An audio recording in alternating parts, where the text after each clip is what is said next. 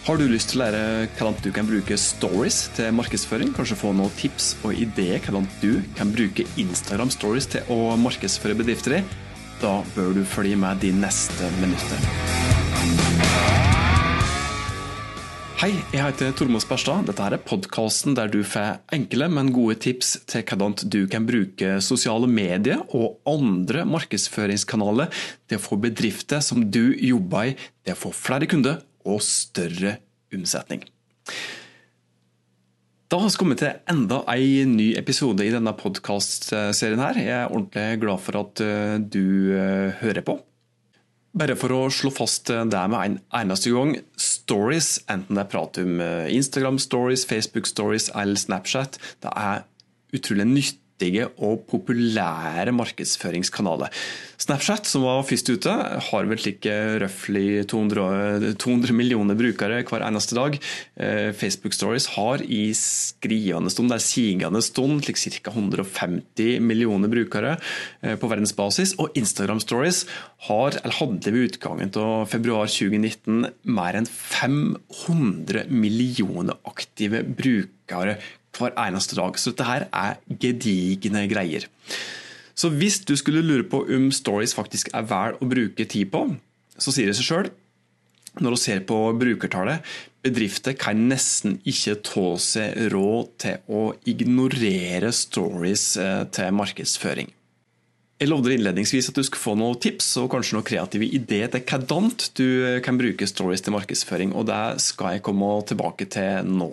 Det første tipset er at du skal prate mindre om deg sjøl og bry deg mer om målgruppa di, bry deg mer om kunden din. Det fins ikke stort mer kjedelige ting, syns jeg, enn bedrifter som bruker stories kun til å publisere rene produktbilder med nærbilde til ymse produkt fra ei forferdelig grå og kjedelig butikkhylle. Det finnes langt mer spennende måter å drive markedsføring på stories på. Og bare For å ta et konkret eksempel. Publiser en story da, der eh, du viser fram hvordan eh, noen i målgruppa di, eh, kunden din kanskje, har glede av det produktet eller den tjenesten som du da faktisk tilbyr. Hvis du f.eks. er et opplevelsesfirma som tilbyr familierafting, legge ut en story der du viser fram hvordan en familie hadde det i løpet av en tur på elva sammen med ditt aktivitetsfirma. På denne måten så viser du faktisk produktet ditt i bruk eh, blant dem som faktisk er i målgruppa di. De som ser storyen din, kan da lettere identifisere seg med det som de ser. og På den måten så kan de kanskje da få lyst til å oppleve akkurat det samme.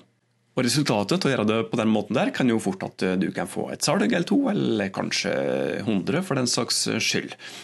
Tips nummer to er at eh, du kan invitere den som ser storyen din inn i bakrommet til bedrifter. La dem få bli med inn for å se det som skjer i kulissene. Du skal få et konkret eksempel her òg, sjølsagt. Kanskje du f.eks. driver et skikkelig trivelig spisested som er superkjente for å ha supergode vafler. Da kan du logge en story fra kjøkkenet der du gjennom ja, prøver å eh, være litt sånn engasjerende. Da. Eh, logge en god historie der du trinn for trinn viser hvordan du går fram for å logge disse her knakende gode vaflene.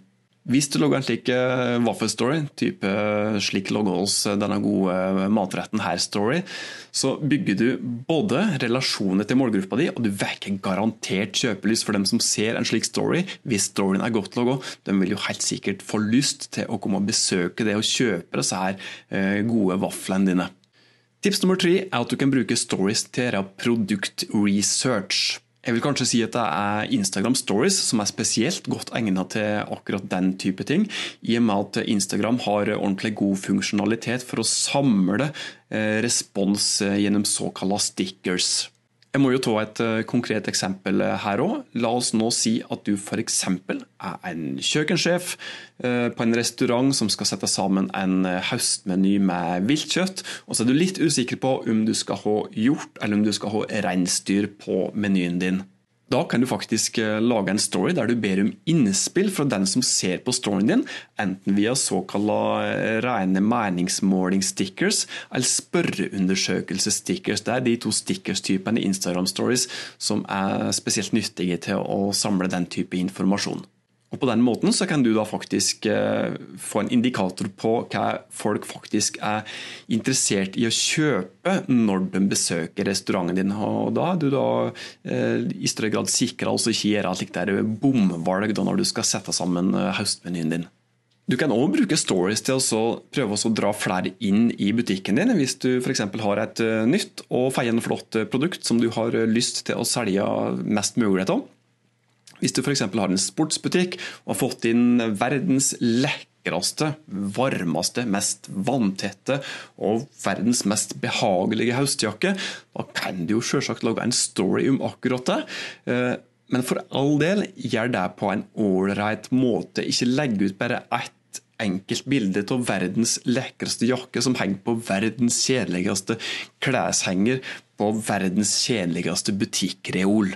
Lag en highlightless story der du viser fram flere enkeltsnutter med litt lekre detaljer, kanskje, og ikke minst uh, vise hva fin passform det er på denne fine jakka der, da, når en av kundene dine har den jakka på seg. Det siste tipset i denne omgang er at eh, du kan bruke stories til å lage how to-videoer. Slik gjør du det-videoer. Eh, stories fungerer kjempefint eh, til deg. Hvis du f.eks. er XXL, G-sport eller en annen butikk som har sykler f.eks., lag en liten story der du viser hvordan du rengjør sykkelen når det er høst, for å gjøre den klar til ny sykkelsesong neste vår. En slik ting er jo noe som er ordentlig nyttig, både for dem som har sykkel, og ikke minst for dem som kanskje er i modus for å kjøpe ny sykkel, har lyst på en ny sykkel, som du kan prøve å dra ned i, i kjøpstrakten din på den måten. Hvis du lager en slik story, så kan du jo også avslutte med å si noe slik som at du har piggdekk, og at du har andre ting som gjør at ivrige syklister kan tøye sykkelsesongen langt utover høsten. Noe som igjen kan føre til at du får eh, den som ser storyen din, til å kanskje kjøpe et par piggdekk eh, i butikken din. Hvis du skal prøve å oppsummere disse tipsene, her, så handler det egentlig om én ting. Prøv å bry deg mer om kunden din. La målgruppa di bli med inn bak kulissene. Bruk stories til produktresearch. Dra folk inn i lokalene dine. Eh, lag how to-videoer. Dette her er fem tips som kan funke kjempefint når du skal markedsføre bedriften din i ulike stories-kanaler.